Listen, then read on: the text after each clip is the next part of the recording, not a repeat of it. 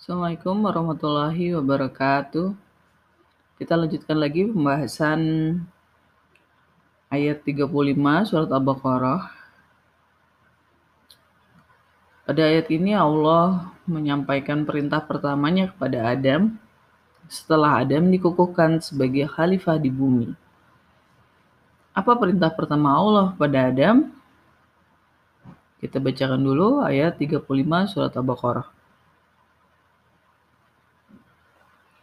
أعوذ بالله من الشيطان الرجيم وقلنا يا آدم اسكن أنت وزوجك الجنة وكلا منها رغدا حيث شئتما ولا تقربا هذه الشجرة fatakuna minal zalimin.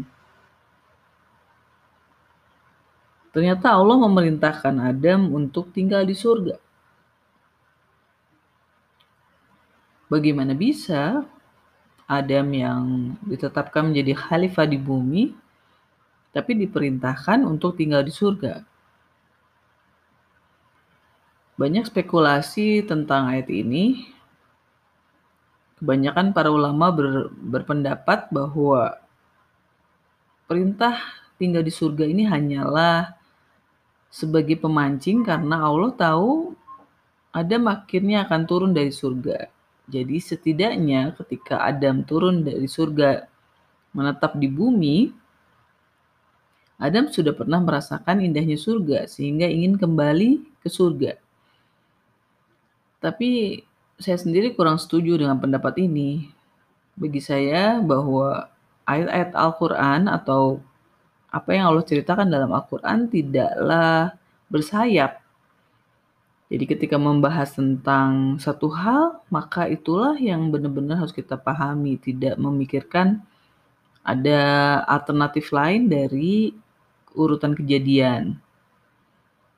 Ya, bagi saya bahwa hmm, tinggal di surga tetapi tetap menjadi khalifah di bumi mungkin-mungkin saja. Karena dengan begitu justru kita jadi sadar bahwa sebetulnya tempat tinggal yang sebenar-benarnya bagi manusia memang surga.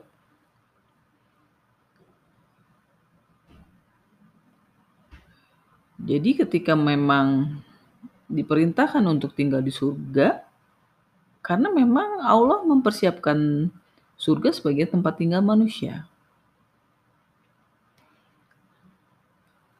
Lalu Allah juga memerintahkan Adam untuk makan.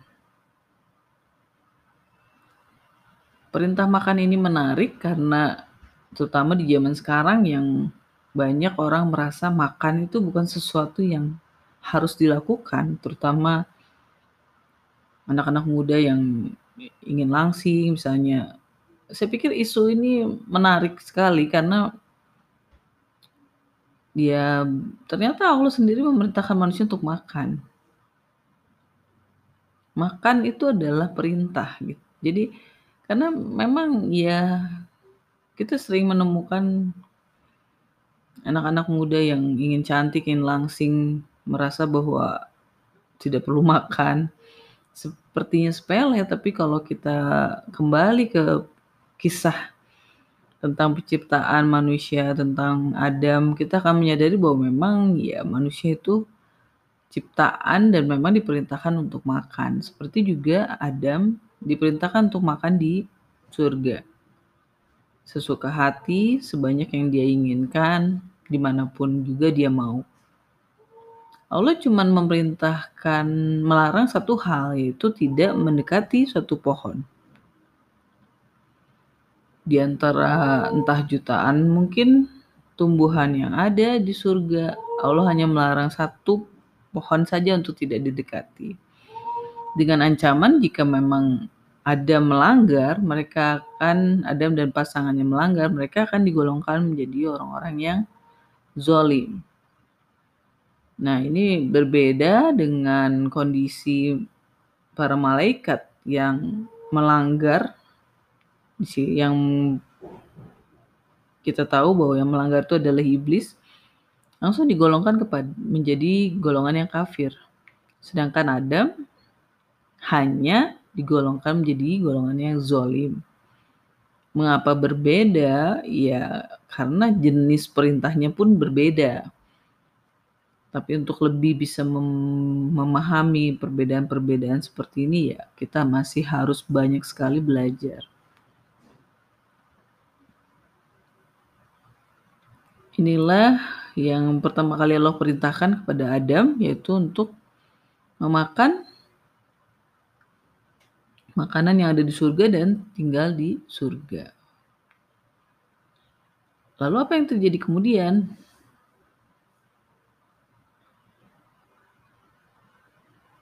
Kita sama-sama tahu bahwa setan menggelincirkan Adam. Kita bacakan dulu ayat 36 surat Al-Baqarah. فأزلهما الشيطان عنها فأخرجهما مما كانا فيه وقلنا اهبطوا بعضكم لبعض عدو walakum fil ardi mustaqaru wa mata'un ilahi disebutkan bahwa Adam dan pasangannya digelincirkan oleh setan. Jadi mengapa setan? Mengapa bukan iblis? Karena setan seperti yang pernah muncul di ayat sebelumnya di ayat 14 surat Al-Baqarah merujuk kepada karakter dasarnya bukan kepada subjeknya tetapi lebih ke karakternya. Jadi setan menggelincirkan Adam dan pasangannya mengeluarkan mereka dari surga. Jadi perintah yang dilanggar itu secara otomatis akan mengeluarkan mereka dari surga. Lalu Allah memerintahkan Adam dan pasangannya untuk turun dari surga. Jadi ada dua keadaan yaitu pertama memang Eh, ketika mereka melanggar langsung otomatis mereka keluar dari surga dan kedua Allah memerintahkan Adam dan pasangannya untuk turun dari surga. Apa yang disampaikan Allah adalah bahwa di bumi itu manusia akan saling bermusuhan. Ada sebagian yang menjadi musuh bagi sebagian yang lain. Mengapa ini menjadi penting? Karena ia Mungkin karena mem agar manusia menyadari bahwa tidak selamanya manusia itu akan bersahabat, akan baik-baik saja dengan manusia lain. Dan Allah juga menetapkan bahwa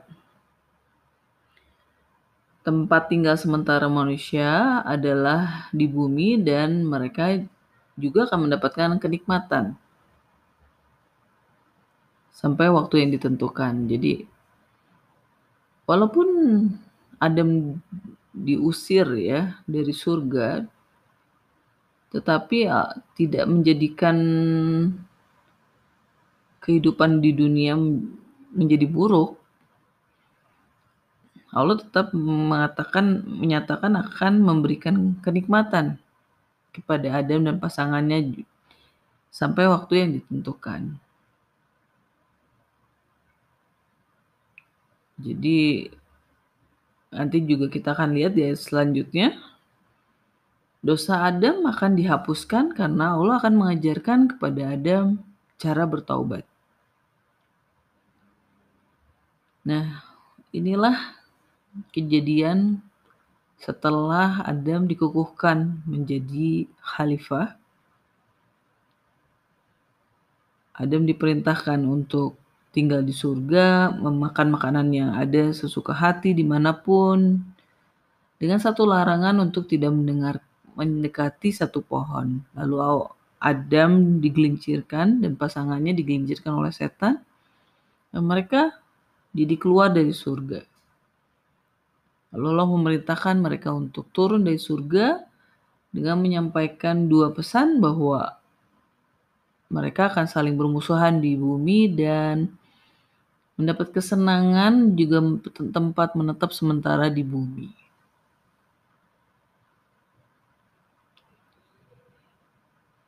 Kisah-kisah seperti ini membuat kita men bis apa ya, harusnya menginstal ulang pemahaman tentang kejadian-kejadian sebelum Adam turun ke bumi agar kita benar-benar bisa melihat fakta yang sebenarnya yang dipaparkan bukan hanya mendengarkan kisahnya dari riwayat-riwayat yang nggak jelas. Karena Al-Quran sendiri sebetulnya sudah sangat jelas menerangkan tentang kisah-kisah ini.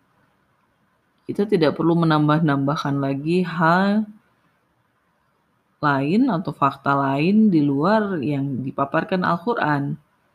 Ya, tentu saja nanti di ayat-ayat selanjutnya akan ada paparan tentang fakta-fakta lainnya, tapi ya untuk sementara kita sudah cukup memahami tentang kejadian saat Adam digelincirkan setan dan pasangannya. Jadi jelas yang digelincirkan oleh setan bukan hanya pasangannya, tapi juga Adam juga. Jadi mereka berdua yang di bersalah. Nah, ini juga karena banyak isu di luar sana yang menyampaikan bahwa Adam bersalah karena pasangan dulu pasangannya duluan yang bersalah begitu. Dan ya banyak kisah-kisah lainnya. Jadi kita ikuti saja apa yang Allah sampaikan dan berusaha untuk um, tidak menggunakan referensi lain selain Al-Quran. Kita ulangi lagi pembacaan ayat 35 dan 36 surat Al-Baqarah sebelum kita tutup pembahasannya. أعوذ بالله من الشيطان الرجيم وقلنا يا آدم اسكن أنت وزوجك الجنة وكلا منها رغدا حيث شئتما ولا تقربا هذه الشجرة فتكونا من الظالمين فأزلهما الشيطان عنها فأخرجهما مما كانا فيه وقلنا اهبطوا بعضكم لبعض عدو ولكم في الأرض مستقر ومتاع إلى حين صدق Allahul Azim Sekian pembahasan ayat 35 sampai 34 surat 36 surat Al-Baqarah. Assalamualaikum warahmatullahi wabarakatuh.